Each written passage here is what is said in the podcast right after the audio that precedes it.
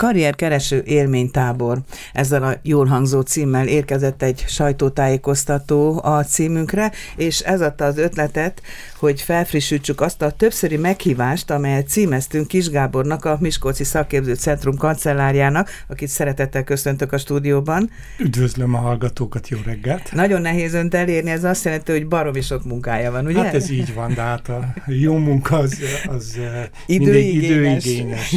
Úgyhogy mielőtt a táborról beszélnénk, mert hát nyilván ennek aktualitása van, májusban járunk, és ilyenkor már kandikálnak ki a szülők, diákok egyformán, hogy hol töltsék el a nyári szabadságukat, vagy hogy milyen táborokba lehet menni, milyen hasznosítható tudnivalókra lehet szerteni például. Azelőtt én ha megengedi, akkor visszatekintenék egy jó két esztendőre. Mert én az olvasatomban én valahogy úgy látom, hogy valamiféle óriási lendülettel tört előre a szakképzési centrum a COVID félidejéhez tehetően. Igen, ez részben így időben kötődik a COVIDhoz, de szakmailag inkább egy másik dologhoz kötődik, hogy 2019-ben ilyen teljes átalakulás indult el a szakképzésben, ez a kereteit is újra szabályozta, és rengeteg új, nagyon vonzó elemet behozott, és igazából ennek a eredményei hatásai érezhetők. Rengeteg újat behozott, de tulajdonképpen, ha jól emlékszem, akkor egy ilyen 765-ös szám átalakult 174-re, ez pedig a szakmák oktatására vonatkozik, mert hogy ilyen szétszórt, széttagozódott oktatás volt, és a centrumnak valójában ennek a központosítása is, a feladata? Részben igen, ugye az egyik, ez a szakmáknak a száma, ez nagy, nagyon fontos dolog, Európában nem volt olyan képzési struktúra, ahol ilyen nagyon sok képzést kínáltak. Ebben az emberek nem is igazán tudtak eligazodni, és nagyon túl specializált volt, tehát ha valaki egy ilyen képesítést szerzett, akkor utána nagyon beszűkültek a lehetőségei, és az volt a koncepció, hogy inkább legyenek alapszakmák, ebből legyen kevesebb, ez most 175 darab, és ehhez képest utána ezt mindenki érti, az is, aki jelentkezik a képzésre, meg a foglalkoztató is, aki majd alkalmazni fogja, és hogyha utána fejlődik a világ, mert ugye azt látjuk, hogy borzasztó gyorsan változik a technológia, és új tudás kell, akkor elég rövidebb képzésekkel kiegészíteni, ugye erre is megvan a lehetőség.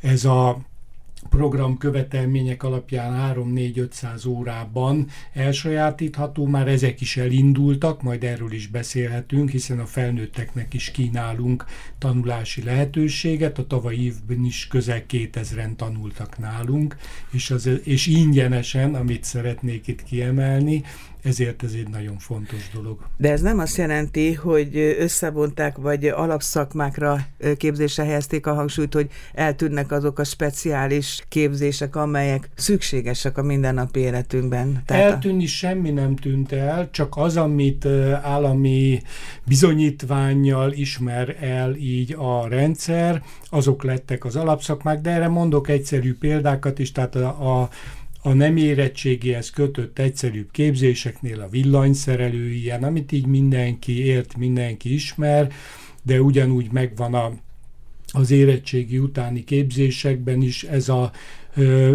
Ugye most jelenleg ágazatokat hoztak létre a képzési struktúrába, 25 ágazat van, és ebben mindenhol megvannak ezek az alapszakmák, és nem, hogy hiányoznak belőle, hanem éppen ezek a mai igényeknek megfelelő specialitások vannak, erre is mondanék példát, tehát mondjuk a az informatikai területen a szoftverfejlesztő egy nagyon népszerű képzésünk, amire nagyon sok diák is jelentkezik, felnőttek is szívesen tanulnak ilyet, de az autós területen a klasszikus autós szakemberek mellett megjelentek az alternatív hajtású járművek, tehát ma már egy szakembernek érteni kell a hibrid autóhoz, az elektromos autóhoz, és ez ma már bekerült a képzési körbe, az alapképzésekbe, és akkor erre lehet ilyen rövidebb időben még hozzá tanulni dolgokat, például akinek alapfokú közgazdasági végzettsége van,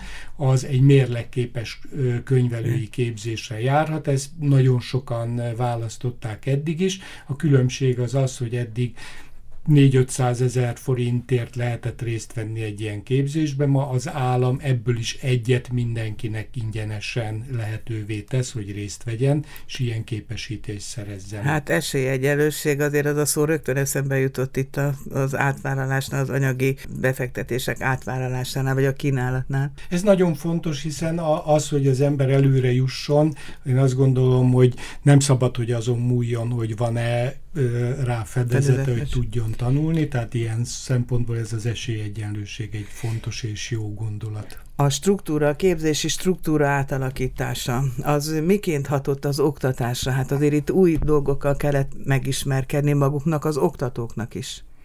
Igen, ez egy nagyon fontos kérdés, hogy kiválóan felkészült oktatók nélkül nem lehet színvonalas képzést csinálni. Ennek én két oldalát emelném ki, hogy az egyik, hogy megújult egy ilyen oktatói továbbképzési rendszer, ami tényleg nagyon fontos, hogy minden területen kínálnak ma már több száz ilyen rövidebb időtartamú továbbképzés áll rendelkezésre. Ezek a kollégáknak ingyenesek, tehát az oktatók úgy vehetnek ezen részt. Ezek általában 30 órásak, ugye a oktatói életpályában van egy ilyen kötelezettség, hogy bizonyos időnként ezeket az ismereteket meg kell frissíteni. Ebbe nagyon sokféle dolog van, tehát van benne módszertani is, az, hogy hogyan lehet tehetséget fejleszteni, hogyan lehet projektben tanítani valamit, meg vannak nagyon konkrét szakmai tartalmak is, tehát hogy az informatikában az új programozási nyelveket hogyan lehet hatékonyan tanítani, tehát ilyen szempontból ez valóban fontos. A másik csak egy nagyon rövid gondolattal kiegészítve, hogy a vállalati helyszínű tapasztalatszerzés is nagyon fontos. Az elmúlt két évben nekünk száz oktatónk volt kint vállalatoknál, itt a környéken, nem egy két órás üzemlátogatáson, hanem 40 órát, egy hetet voltak kint, úgyhogy részt vettek a munkába legkülönbözőbb területen, hiszen ismerni kell, hogy hol tart a technológia. Igen, de hát ez egy régi dolog tulajdonképpen ennek a gazdagításáról lehet szó, mert az Andrási meg a Bosch között, vagy éppen nem is olyan régen az évelején Tiszaújvárosban erősítették meg ugye a MOL Petrollal az együttműködésüket, tehát annak a már meglévő kapcsolatnak a gazdagításáról is szó van? Ez így van, meg kell tölteni új tartalmakkal, ami eddig is működött. Azt szeretném elmondani, hogy Magyarországon évtizedek óta van duális képzés és a vállalatokkal együttműködés. Igazából én azt gondolom, hogy inkább a rendszerváltozás körül a nagyvállalati gazdasági struktúrával ezek megszűntek, és utána újra kellett építeni, de azért magyar oktatásban ennek nagyon jó múltja van és most újra nagyon jól működik, azt mondhatjuk. Felértékelődik akkor a karrier szó, ugye? Nem véletlenül jelölik, vagy hangoztatják a karrierépítő képzéseket. Ez így van. Mi alapvetően azt mondjuk, hogy a gyerekeknek is nem iskola választásban kell gondolkozni, mert az négy év az életükből mondjuk, vagy öt év az új technikumok esetében, hanem sokkal inkább hosszú távra.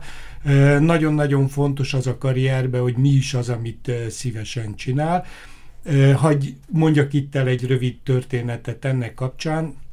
Ugye az új technikumi rendszerben nagyon sok diák jelentkezett, most szerencsére nagyon népszerűek, technikumot választották országos szinten a legtöbben, és vizsgálták azt, hogy miért. És ugye akik technikumba jelentkeznek, ösztöndíjat kapnak mindenki, egységesen, tanulmányi eredménytől függően nő, ha vállalatnál van kint duális képzésbe 100 ezer forintot kap havonta, de nem ezek voltak a motiválók elsősorban, hanem a fiatalok azt válaszolták, hogy azért választották, mert olyat tanulnak, ami érdekli őket. Tehát, hogy aki valóban érdekel az informatika, azok olyat tanulnak, ami most a legkorszerűbb technológiák, vagy robotikával találkozhatnak, és sorolhatnánk ezeket a területeket. Tehát ez egy nagyon fontos dolog, hogy érdekelje a diákokat, nagyon fontos dolog, hogy milyen jövőképet tud vele felépíteni. Mindig kerülgetni szokták ezt a kérdést, de nagyon nem mindegy, hogy milyen egzisztenciát jelent, milyen megélhetést nyújt egy-egy szakma.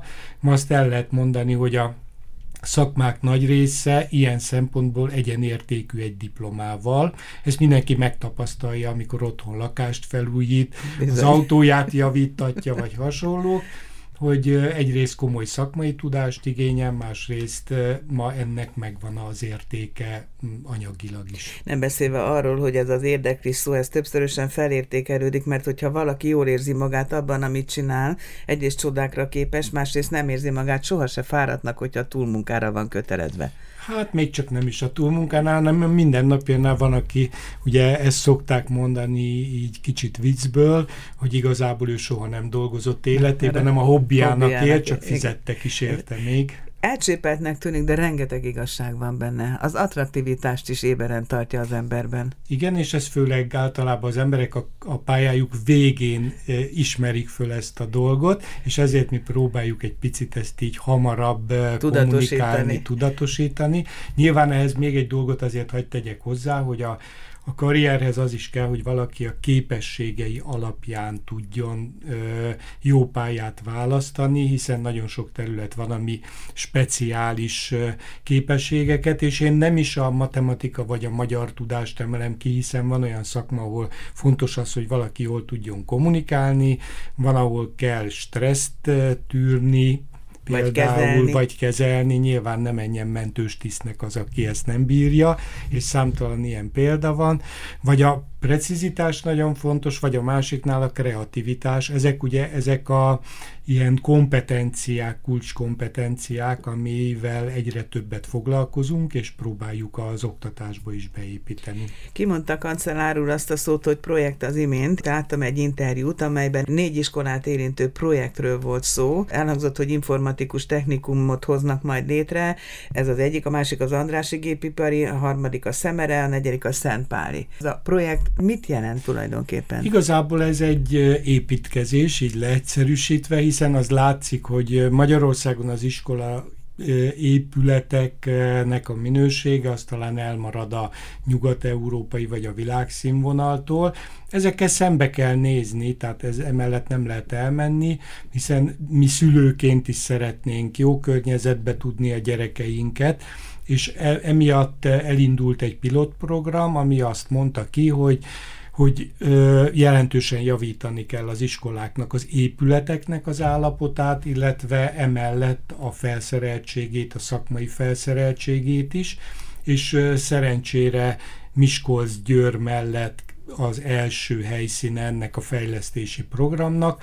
Ez a 21. századi szakképzőiskola program, ahol első körben ö, Miskolc 6,5 milliárd forintnyi támogatást kapott eh, ennek a programnak a finanszírozására, és örömmel mondhatjuk azt, hogy ebből már két iskola, az Avason található Szemere Bertalan Technikum és Szakképzőiskola, illetve a kereskedelem és vendéglátásba érintett Szentpáli már készen van. A felújítás olyan szinten, hogy a diákok vissza tudtak költözni az épületbe, Ugye egy nagy felújítás olyan, mint otthon, hogy nem lehet közbe ott lakni, nem lehet használni a fürdőszobát, kell tanítani. És elég bonyolult logisztikai feladat volt, de most már visszatért az élet eh, ezekbe az épületekbe, úgyhogy örömmel mondhatom el, hogy mindkét iskolában már itt tudtak elballagni a diákok. Szabad legyen egy kérdést itt közbevetni, hogy azt mondta, hogy európai színvonalú infrastruktúra, meg épület az oktatás terén, hogy ott van mit még bepótolnunk, és nekem eszembe jutottak az egyházi iskolák, mi most állami oktatásról beszélünk természetesen, de egy egészséges versenyszellemről szólhatunk? Hát hiszen mondjuk itt van a Lévai a maga úszodájával, hogy csak egyet mondjak, de lehet beszélni? Hogy ne lehetne. Én azt gondolom, hogy ez fontos is. A legjobb megoldás, legjobb állapot az az lenne, hogyha a szülők nem az iskola állapota, felszereltsége miatt döntenének, hanem lenne, és van is most azért Magyarországon egy szabad iskola iskola választás, hogy valaki olyan iskolába szeretné a gyerekét tudni, ahol kiemelt a vallásos nevelés, van, akinél ez kevésbé fontos, de az, hogy az iskola legyen szép, jó állapotú, az ne legyen kérdés.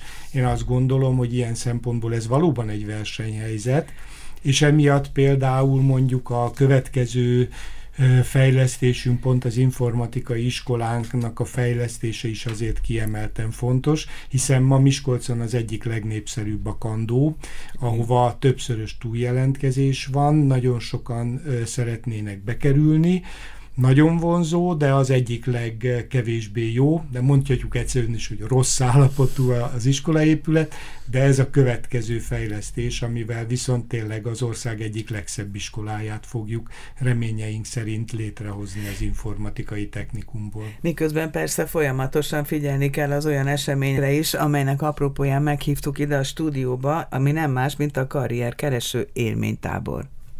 Igen, én azt mondanám inkább, hogyha egy picit pontosíthatjuk, hogy tulajdonképpen egy, egy nyári tábor csomagot kínálunk, és akkor így ennek a történetét elmondom, akkor szerintem érteni fogják a hallgatók is, hogy hogy három évvel ezelőtt mi létrehoztunk egy digitális alkotó műhelyt, ami ma a gyerekek számára is érthető legmodernebb eszközökkel lett felszerelve.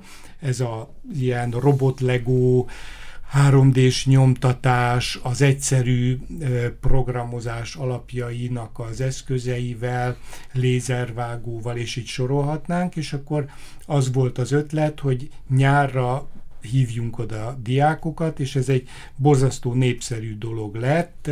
Nagyon gyorsan megteltek ezek a táborok, és azt látjuk, hogy kinövik egy hamar már a kereteket. Aztán két csoportot indítottunk, négy csoportot indítottunk, és még az is megtelt, és most így az az elhatározás született, hogy több iskolát bevonva kínálunk. Most tíz helyszínen, ebből nyolc miskolci, kettő vidéki, mezőcsáti és mezőkövesdi, 10 helyszínen 17 csoportot indítunk.